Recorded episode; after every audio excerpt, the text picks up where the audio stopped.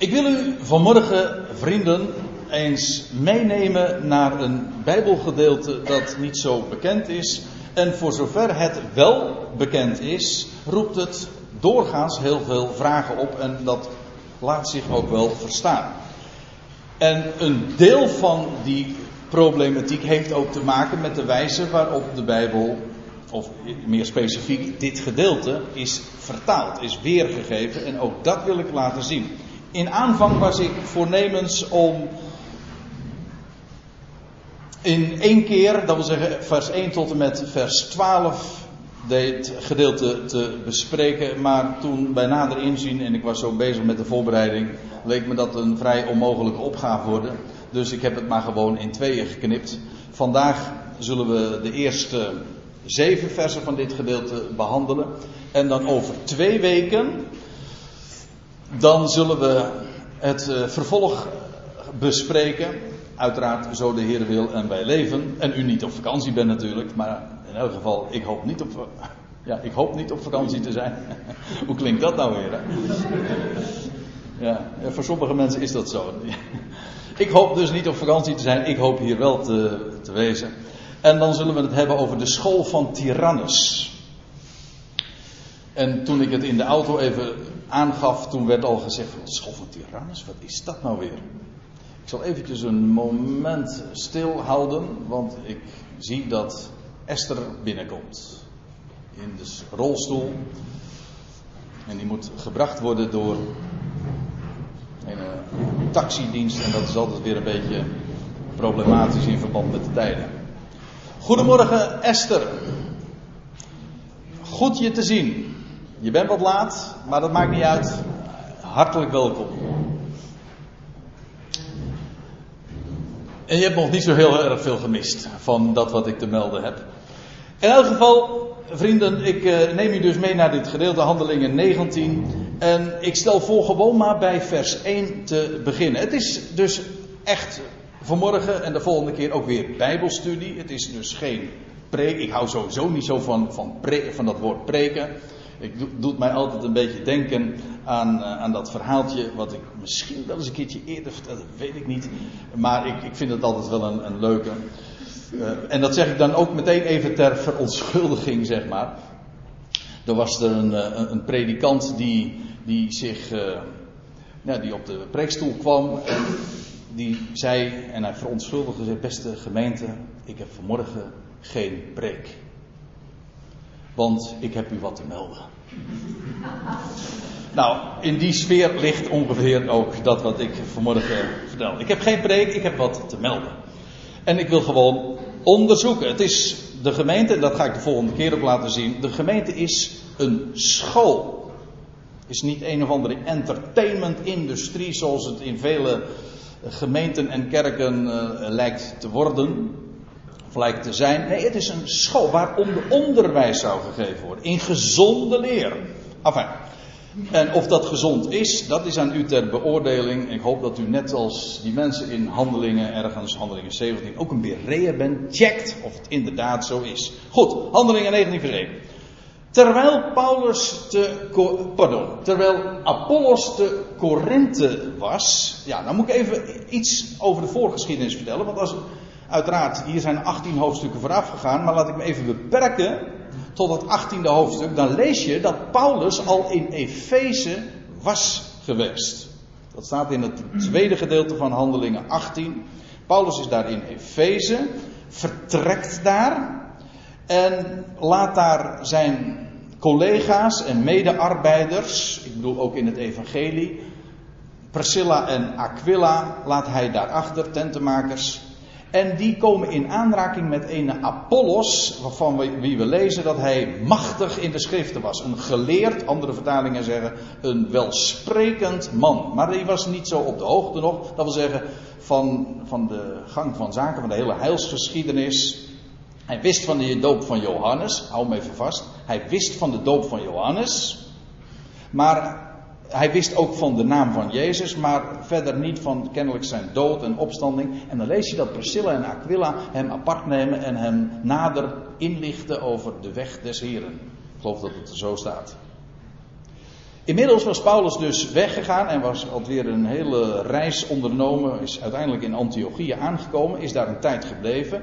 En dan lees je dat in die tijd ook dat Apollos daar in Efeze is. En daar uh, in de synagoge op optreedt en vertelt, inmiddels geüpdate door Priscilla en Aquila. En dat hij uh, vertelt en bewijst vanuit de schriften dat Jezus de beloofde Messias is, de Christus, de gezalfde.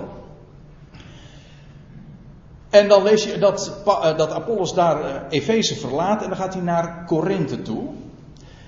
Ondertussen was Paulus, dus Paulus, pardon, nou moet ik het goed zeggen. Apollos is dus in Korinthe en dat is hier, bij de zogenaamde schiereiland, de Peloponnesus, waar ooit trouwens de Olympische Spelen werden gehouden.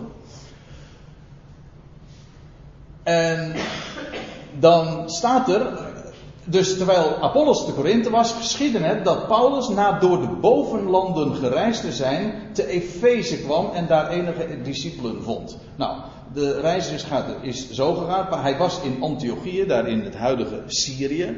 Waar ook zoveel om te doen is natuurlijk. Maar hij had een hele reis ondernomen. Hij is daar in Derbe geweest. Dat lees je in de handelingen 18 al.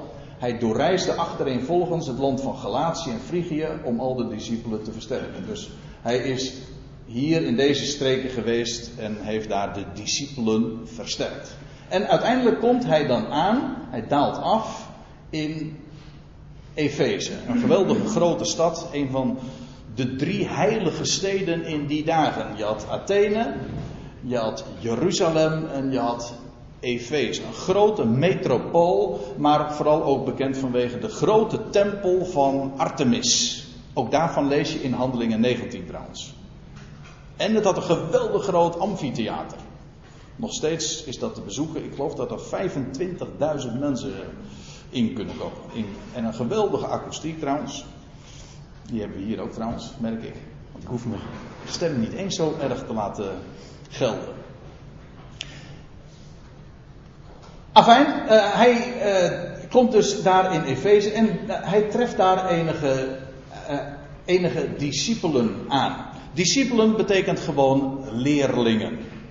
En leerlingen, ja, van wie? Dat is dan de vraag. En dat kan afhankelijk van de context uh, van alles betekenen. Ik zal u één voorbeeld geven. In Marcus 2, vers 18, daar lees je dat daar aan Jezus de vraag gesteld wordt: waarom vasten de discipelen van Johannes en de discipelen van de Fariseeën wel, maar uw discipelen niet? Dus hier lees je in één vers over drie soorten discipelen, nou, over ja, drie groepen discipelen, drie groepen leerlingen. Eh, de discipelen van Johannes, Hou hem even vast, want daarover gaat het hier. Eh, de discipelen van de Fariseeën, want ook zij hadden hun leerlingen, hun scholen. En je had ook nog de, discipelen, wel bekend van Jezus, de twaalf. Hoewel die kring feitelijk ook nog wat uitgebreider was. Maar de twaalf zijn bekend. Over dat getal 12 komen we straks nog even te spreken. Goed, en dan lees je in vers 2, en hij, dat is dus Paulus, die daar in Efeze is, die daar enige discipelen aantreft. Hij zei tot hen, hebt gij de Heilige Geest, dat de kun je doorkrassen. Staat gewoon, hebt gij Heilige Geest ontvangen toen gij tot geloof kwaamt? Dat is een hele merkwaardige vraag. Ik hoop tenminste dat u dat ook een vreemde vraag vindt. Want normaal gesproken zou je die vraag niet hoeven te stellen. Ik zal u laten zien waarom Paulus in dit geval deze vraag daadwerkelijk stelt. Even over de, de, de tekst. Ik zei al, dat woordje de moet je doorstrepen. En daar, is, daar zit nog iets anders vast, aan vast. Meestal is het zo dat als je in de vertalingen leest dat Heilige Geest eh, met dubbele hoofdletter wordt geschreven. Heilige Geest. En dat, dat heeft dan te maken met het idee van een persoonsnaam klinkt haast als een voor- en achternaam. De Heilige Geest. Dat is de derde persoon van de Heilige Drie-eenheid. Ja, excuses, maar uh, ik ken dat niet. De Bijbel kent het niet. En ik bedoel dat niet als een, een, een leerstellig statement van mij, maar gewoon als een vaststelling. De Bijbel kent geen drie-eenheid. Heel simpel. Zoek het maar op, concordantie of zo, of een woord dat daarmee verband houdt. De drievuldigheid. Of uh, de eerste persoon van de drie-een, of één wezen, drie personen, al dat soort termen. En u weet het, men zegt dan van ja, je hebt de Vader, je hebt, er is één God, zegt men dan, maar is eigenlijk, dat zijn drie personen, één wezen, drie personen. De Vader, je hebt God, de Vader, en je hebt God de Zoon, en je hebt God de Heilige Geest. Drie personen. En daaruit, ja, daar is het gebruik uit ontstaan dat men Heilige Geest met allemaal hoofdletters schrijft, of twee, ook heilig met hoofdletter, en dan de Heilige Geest, dan denkt men aan een persoon. Kent de Bijbel niet. Heilige Geest gaat hier in dit geval gewoon over kracht. De kracht van de Allerhoogste.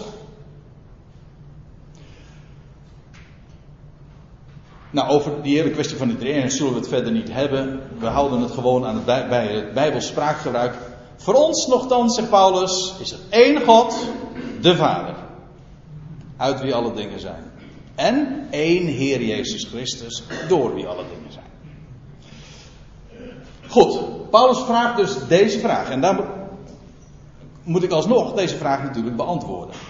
In de eerste plaats, het is typisch. Waarom is het typisch? Wel, normaal gesproken is het zo dat iemand die gelooft, per definitie de Heilige Geest ontvangen heeft. Ik zou daar heel wat bewijzen voor op tafel kunnen leggen. Ik wil me vanmorgen even beperken tot één, die ik in ieder geval hier laat zien. Efeze 1. Dat is wel grappig trouwens. Efeze 1. Paulus is hier in Efeze.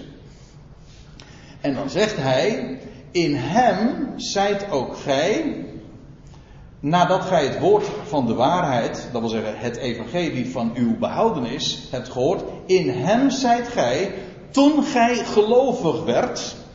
Staat hier in het, in, in Grieks, een, zoals dat heet, een onvoltooid deelwoord, gelovende. Eh, in hem zijt gij gelovende, ook verzegeld met heilige geest der belofte.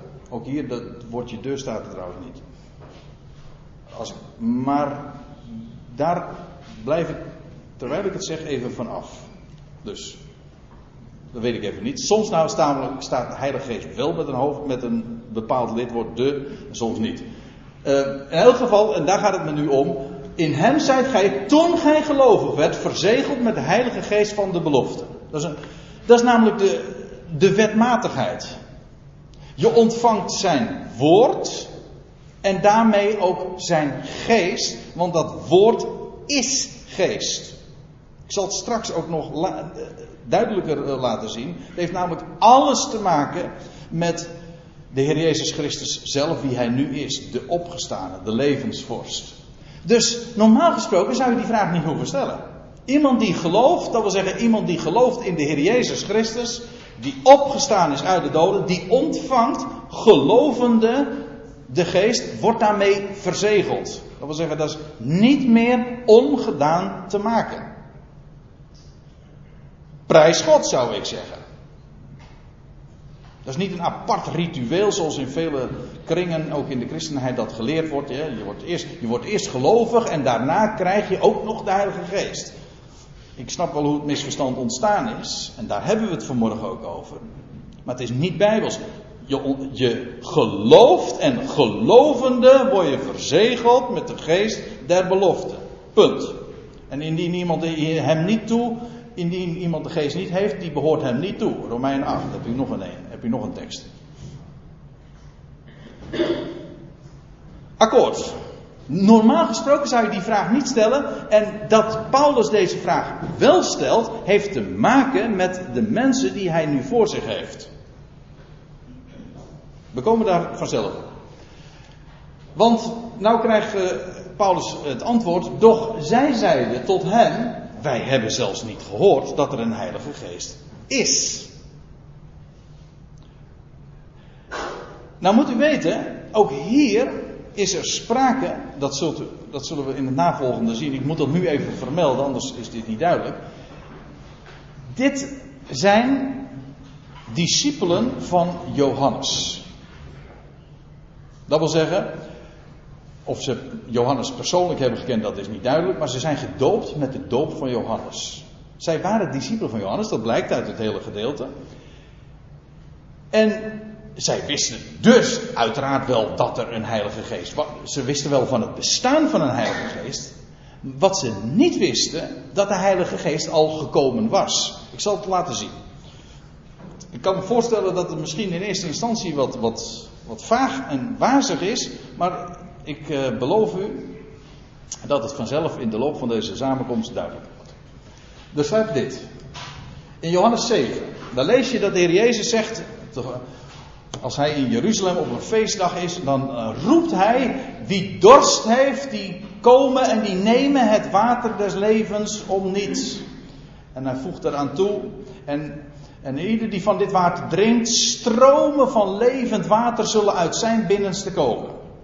Dat is wat er aan, aan dit vers vooraf gaat. En dan, zeide, en dan staat erbij, in vers 39, dat is het commentaar van Johannes. Dit zeide hij van de geest.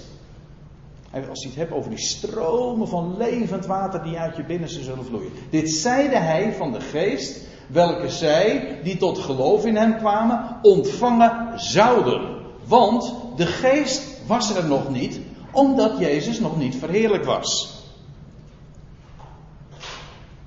Ze, deze mensen, deze, die Paulus hier ontmoet, wisten wel van, dat, van het bestaan van geest en ook van dat de geest geloof was, maar ze wisten niet dat die geest al gekomen was inmiddels. Dus zij hadden net als die Apollos waar ik het zojuist over had, de handeling 18, een update nodig. Ze waren wel welwillend, maar ze waren, het was geen onwil, het was onkunde. Ze, waren, ze wisten daar nog niet van. En die Heilige Geest, die, dat zie je in dit vers heel duidelijk, die geest die komt bij Jezus, bij Jezus verheerlijking. Die twee worden aan elkaar gekoppeld. Jezus wordt verheerlijkt, hij stond op uit de doden en toen was de Heilige Geest. Die link wordt hier automatisch gelegd. Waarom was de geest niet? Nou, Jezus was nog niet verheerlijkt. En daarom is het ook zo dat Jezus iets heel bijzonders zei op de dag van zijn opstanding. Laat ik eerst even iets anders vragen. Om u even te triggeren, om even goed na te denken. Wanneer ontvingen de discipelen de Heilige, de Heilige Geest of Heilige Geest? Ik hoor, ja, ik hoor Pinksteren, uh, Pinksteren, de Pinksterdag, Handelingen 2. En ik hoor ook een goed antwoord. Hier links van mij. Ja. Dus het antwoord staat namelijk in ditzelfde Johannes-evangelie. Dat is niet met Pinksteren. Ja, inderdaad, toen werden zij gedoopt, demonstratief met de Heilige Geest, kwam de Heilige Geest op hen. Maar ze ontvingen Heilige Geest op de dag van de opstanding. Je leest in Johannes 20, dat was in de avond van de opstandingsdag, in vers 22, dat de Heer Jezus in hun midden verschijnt. En dan, dan, dan zegt hij meerdere dingen. En dan, en dan vervolgens in vers 22. En na dit gezegd te hebben, blies hij op hen. En zeide: Ontvang Heilige Geest. Waarbij je trouwens nog iets anders ziet. Het doet denken aan nog iets anders. Laat ik dat dan ook meteen melden. Aan de schepping ooit van Adam. Daar lees je dat hij ook de levens. God blies de levensadem in zijn neusgaten, staat er in Genesis 2, vers 5, geloof ik. Hij, hij blies de levensadem, neshama, de levensadem in zijn neus. En dan staat er, al zo werd de mens een levende ziel. Hij, hij ontving geest, dat wil zeggen leven. Want dat is de, link die je namelijk moet leggen. Geest is leven. Dat is helemaal niet zo moeilijk. Want dat, zo, zeggen we dat. Hè? De geest krijgen is, is niks anders dan leven ontvangen. Nou, de negatieve variant is wat bekender en misschien ook wel duidelijker. De geest geven is doodgaan. Dan blaas je de laatste adem Dan geef je de geest. Dan ga je dood. Dan is leven weg. Geest ontvangen is leven. Dat was in, in het geval van Adam zo. Maar hier krijgen mensen die leven Nou ja, leven tussen aanhalingstekens als ziel. Maar hier ontvangen ze werkelijk leven. Namelijk het leven dat op de, die bewuste dag aan het licht was getreden. Namelijk leven dat sterker is dan de dood. Werkelijk leven dus. Leven dat niet meer voorbij gaat. Wat wij hier kennen, dat is sterven. Wat zij ontvingen, dat is leven met allemaal hoofdletters. Leven van de opstanding. En de Heer Jezus blaast demonstratief op hen, als het ware ter herinnering aan wat er ooit gebeurde met Adam. Maar zij ontvingen werkelijk leven. Opstandingsleven. Geest, ja, heilige geest. Apart gezette, goddelijke geest. In de hoogste vorm. Dat was beschikbaar op vanaf die dag. Eerder niet. Sinds wanneer is er heilige geest? Nou, sinds de dag dat Jezus opstond uit de doden en leven aan het licht bracht. Dat is namelijk geest. Leven. En daarom begrijp je ook dat als je dat woord ontvangt, dat levende woord, ik bedoel dat woord van leven, dit woord van leven, de boodschap van de opstanding. Het is allemaal niet zo moeilijk hoor, want je kunt het op allerlei manieren zeggen. Maar uiteindelijk zeg je hetzelfde. De levende Messias. Het Evangelie is niks anders dan de boodschap van Hem die verrees uit het graf en leven aan het licht bracht. Dat is het Evangelie. Met alle consequenties van dien, namelijk dat de dood volkomen teniet gedaan zal worden. Ieder in zijn eigen rangorde, gefaseerd, allemaal tot je dienst. Maar dat is de boodschap. Het leven is aan het licht gekomen en de dood heeft het nakijken. Voilà, dat is blijde boodschap. Dat is evangelie. Dat, dat kenden deze discipelen van Johannes nog niet. Nog niet. Hoewel ze wisten dat het komende was. Wat ze daarvan hebben begrepen, dat is me niet helemaal duidelijk. Maar in elk geval, zo zit dus de vork aan de steel. Eén ding is duidelijk: de Heilige Geest is gekomen toen Jezus verheerlijk werd op de dag van zijn opstanding. Toen ontvingen de discipelen de Heilige Geest. Ja. En demonstratief kwam de Geest op hen, dat wil zeggen zichtbaar, op de dag van, uh, de van Pinksteren, de vijftigste dag, het wekenfeest. Goed, daar zullen we het ook nog even over hebben. Maar even uh, verdergaand. Want ik zie dat als je eenmaal Bijbelstudie bezig bent, hè, dan vliegt de tijd. Uh, vers 3. En hij zei tot hen, inmiddels is dus Paulus die vervolgens reageert op hun onkunde. Hij zei tot hen, waarin zijt gij dan gedoopt? En ze zeiden, in de doop van Johannes. Ja, nou moet ik even nog iets bij zeggen. Uh, de doop is een volstrekt bekend Joods fenomeen. Elke synagoge heeft een doopvod. Een zogenaamd mikva. Ze moesten zich namelijk bij allerlei gelegenheden dopen. Onderdompelen, wassen, reinigen.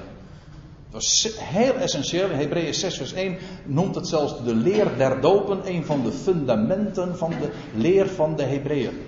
Van de, de eerste beginselen van de uitspraken gods. Dat is een heel bekend fenomeen. Joden zouden ze bij allerlei gelegenheden dopen. Dat is bekend. Maar toen kwam daar iemand in de woestijn, ergens in het begin van onze jaartelling, een man, een man in een kameelharen mantel, niet in een blauw hemelblauw jasje, nee, in een kameelharen eh, mantel. En hij at sprinkhanen daar in de woestijn en hij zegt van, de tijd is nabij. Dat is ook in overeenstemming met de profetieën. De tijd is nabij en dan zegt hij, uh, la, of wordt gedoopt. En dat was nieuw. Dat kenden de Joden niet. De Joden doopten zich, zichzelf. Maar Johannes, die kwam met een, een aparte doop, namelijk wordt gedoopt. Wat is de doop van Johannes? Dat is een doop in water. Ja, met, met, met dat uh, er gezegd, bij gezegd hebben dat het iets is wat je ondergaat, wat je wat een ander jou doet, wordt gedoopt. Johannes doopte anderen. Dat was bekend, onbekend voor de Joden. En dat is ook wat de doop van Johannes is. En ik, ik zal één vers voorlezen, Johannes 1. Daar lees je dat Johannes, de doper. Nou begrijp je ook waarom dat zo'n bijzondere naam voor hem was. Hij, hij wordt in de Bijbel ook zo genoemd. Johannes de doper. Dat wil zeggen, hij doopte anderen. Dat kenden ze niet. Dat is de doop van Johannes. Waterdoop, dat anderen gedoopt worden, is de doop van Johannes. Hou hem even vast. En vers 31. En zelf wist ik, Johannes, niet van hem, de Messias, het was zijn neef trouwens. En zelf wist ik niet van hem, maar opdat hij aan Israël zou geopenbaard worden, daarom kwam ik dopen in water. Ik zeg het meteen maar goed. In water, want het heeft te maken met onderdompelen en weer opstaan uit het water. Wat zou dat nou uitbeelden, hè? Ondergaan in het graf en vervolgens daaruit opstaan. Dat met water, dat suggereert toch weer een beetje dat idee van een paar druppeltjes, weet je wel. Nee, het is doop in water. Dat is wat Johannes deed, daar in de Jordaan. Daar was namelijk veel water. Ja. Maar ziet u trouwens nog iets? Ik wijs er alleen maar even op. Hij, hij kwam dopen in water. Waarom? Omdat hij aan Israël geopenbaard zou worden. Johannes had ook een bediening voor Israël. Die twaalf die discipelen, die mensen die Paulus hier in Efeze tegenkomt, dat zijn ook Joden. Die kenden de doop. En Paulus vraagt, in welke doop zijn jullie dan gedoopt? Nou, in die doop van Johannes, zeggen ze. De waterdoop, zal ik dat eens dan zo zeggen. Waterdoop heeft alles met Israël te maken. En dan zeggen mensen, ja, maar de, je hebt toch ook de christelijke doop? Ik zal u dit vertellen, de christelijke doop is geen waterdoop.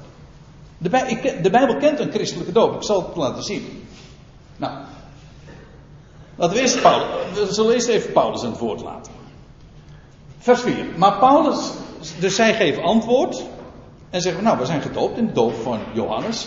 En Paul, maar Paulus zeide, Johannes doopte een doop van bekering en zeide tot het volk, Israël, dat zij moesten, of dat zij letterlijk, dat zij zouden geloven in hem. Hè, u weet het, hè. Dit zijn ontmoetingsbijeenkomsten. En altijd als er in de Bijbel, als we in onze vertaling het woordje moeten tegenkomen en het staat er niet, dan wijs ik daarop. Ontmoeten. Ja, ja, dat wil zeggen, de last, er wordt hier niet gesproken over moeten. Er wordt, dat zij zouden geloven in hem die na hem kwam, dat is in Jezus. Ziet u dat Johannes iets zegt? Johannes die, die zei, wordt gedoopt, dat was apart. Daarom de doop van Johannes. En hij zegt, hij deed dat met het oog op hem die na hem zou komen. Zijn bloedeigen neef, de Mashiach. De Messias, de Christus, dat is dus in Jezus, inderdaad. Ik zal een voorbeeld geven. Lucas 3, daar, daar is Johannes zelf aan het woord. En dan zegt Johannes, ik doop u met water. Doch hij, doch hij komt die sterker is dan ik, wiens schoenring ik niet waardig ben los te maken.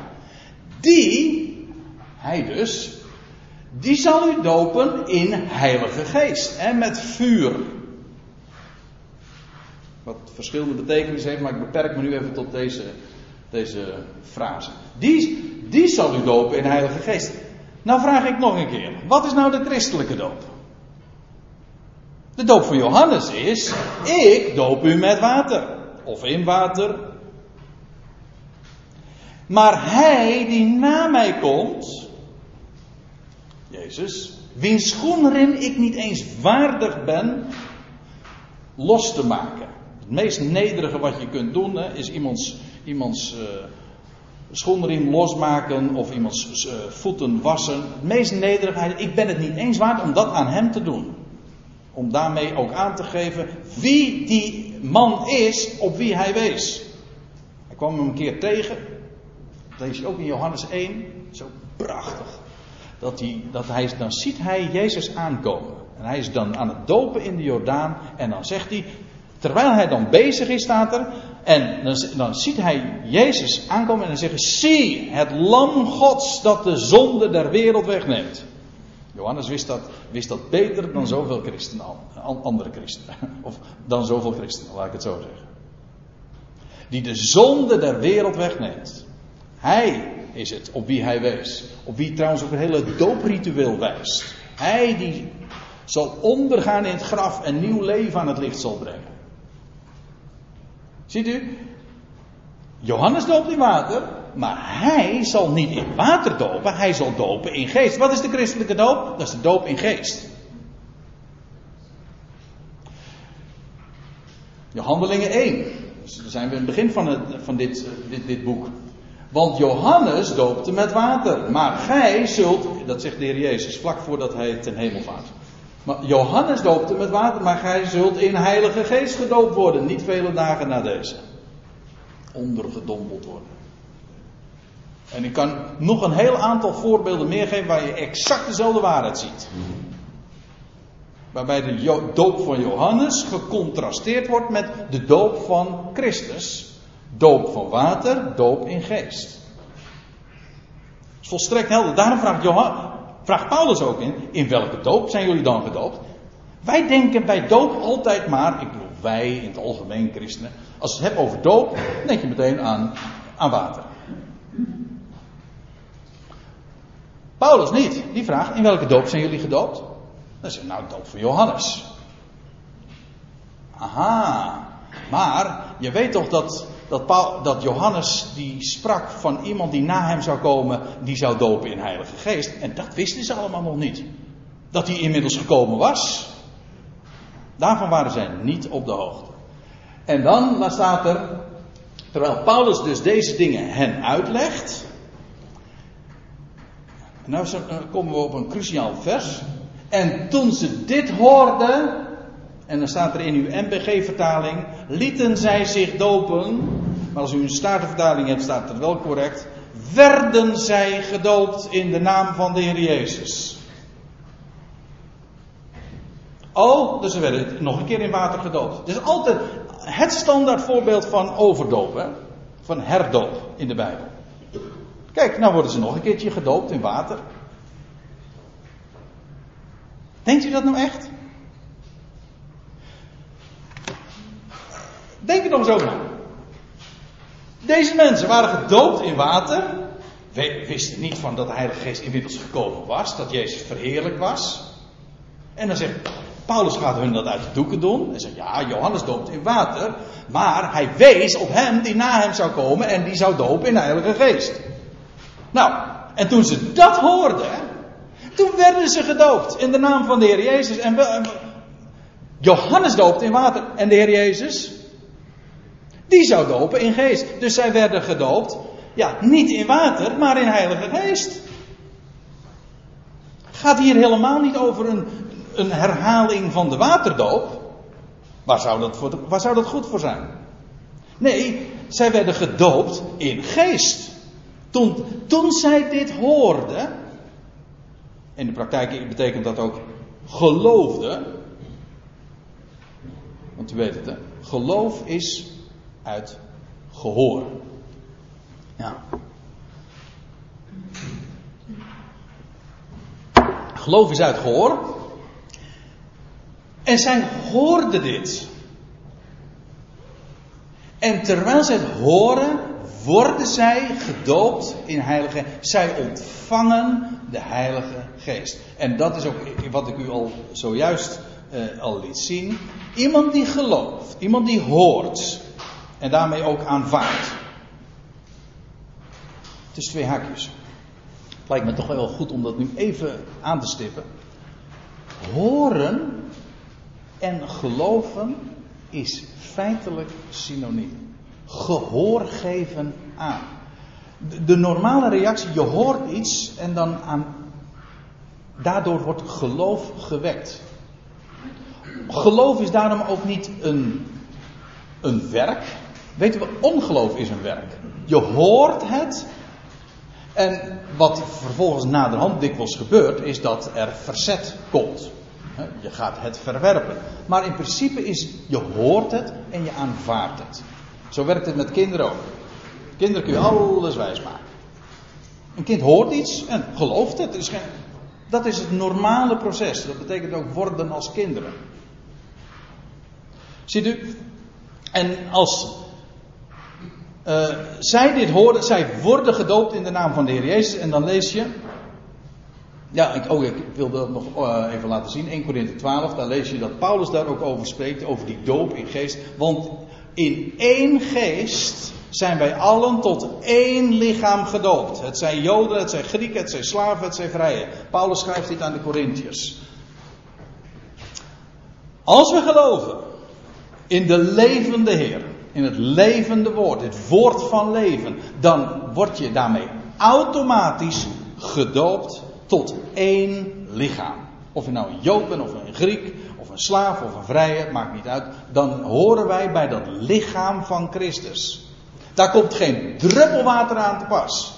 Dat is de doop in Christus. Weet u dat Paulus in zijn brieven nooit over de doop in water spreekt? Op één uitzondering na. Hij spreekt altijd over de doop in Christus of over de doop in het lichaam van Christus. Gedoopt worden in zijn dood. Hij spreekt één keer over de doop in water. En dat is in 1 Korinthe 1, vers 18. Als hij zegt: Ik ben niet gezonden om te dopen. Want de Heer heeft mij niet gezonden om te dopen, maar om het Evangelie te vertellen. Het Evangelie namelijk van de opgewekte Heer, die doopt in geest. Dat is de doop, waar de doop van Johannes een uitbeelding van was. Een voorlopige uitbeelding. Ziet u hoe belangrijk die doop in geest is en dat dat de christelijke doop is. En het kan zijn dat u misschien vanmorgen, ik weet niet om welke reden, uh, niet alles volgt. Maar onthoud dan in elk geval dit. Dat de doop, de christelijke doop, dat is een doop niet in water, maar in geest. Als je dat meeneemt, dan ben ik al erg blij.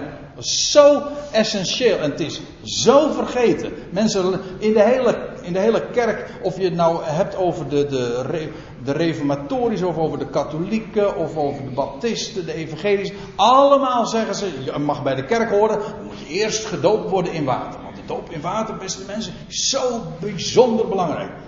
Nou, dat is gewoon de doop van Johannes. Dat is dopen in water, gedoopt worden in water. Maar dat is niet de doop van Christus. Hij doopt in geest. Dat is geen ritueel. Kom nou. En zo zie je hoe men van een ritueel zelfs het portaal heeft gemaakt, de deur om lid te worden van een kerk. Begrijp me goed, ik heb niks tegen waterdoop. Paulus ook niet.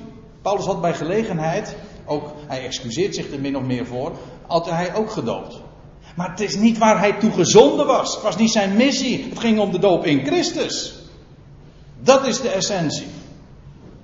En zo zie je weer dat ook rituelen in de hele in de christenheid van links tot rechts en van zwaar tot licht een, uh, een zo'n grote rol hebben ingenomen, zo'n grote plaats hebben ingenomen. Volkomen ten onrechte. En toen Paulus hen de handen oplegde.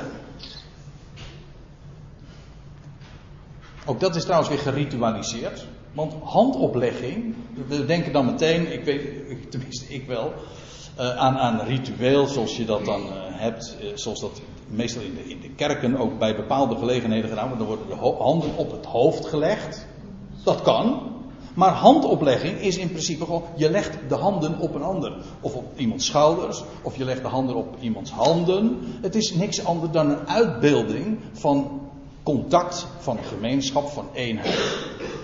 Zo, zo gaat het toch? Je, op wie leg je nou de handen? Dat doe je feitelijk met recht, letterlijk en figuurlijk, om contact te maken.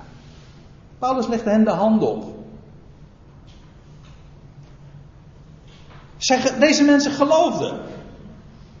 En Paulus legt hen de hand op en dan lees je, toen kwam de Heilige Geest ook op hen.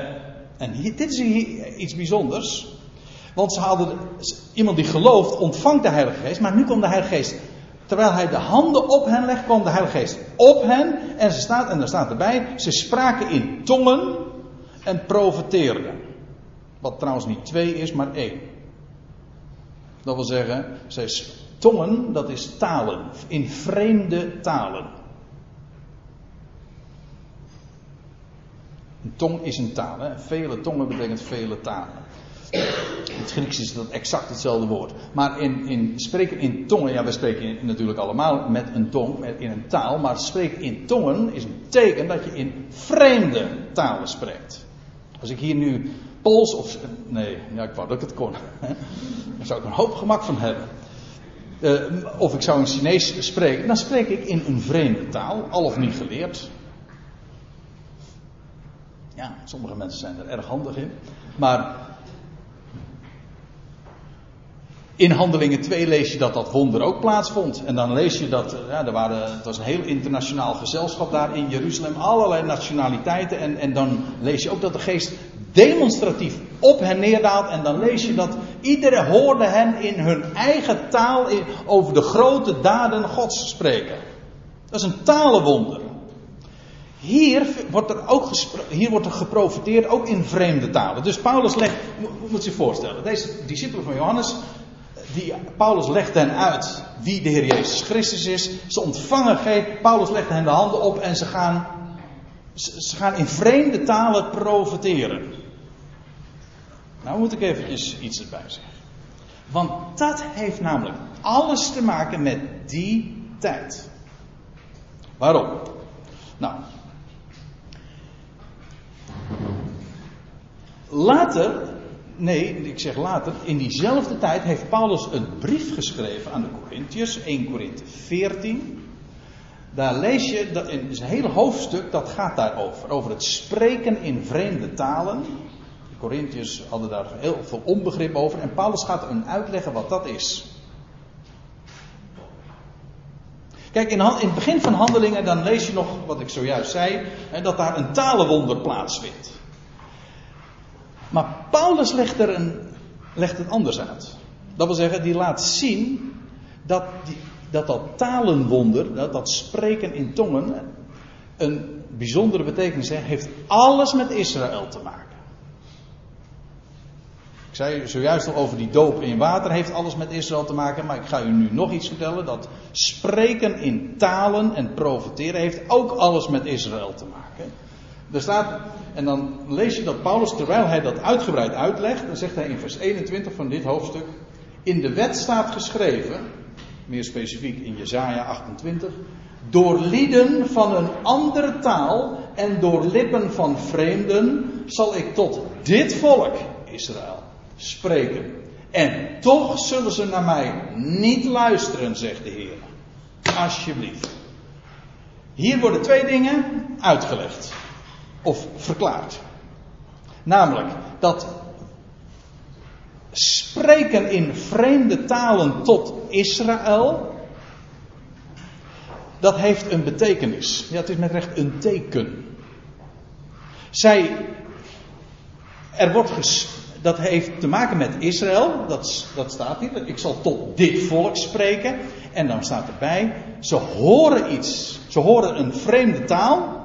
En toch zullen ze naar mij niet luisteren. Dat wil zeggen, het heeft te maken met Israëls ongeloof.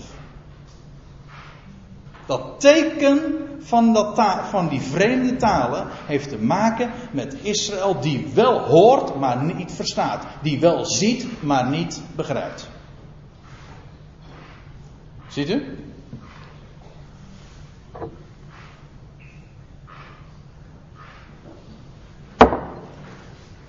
En dan wil ik nog een, een, opwijzen op een ander schriftgedeelte, namelijk 1 Korinthe 13.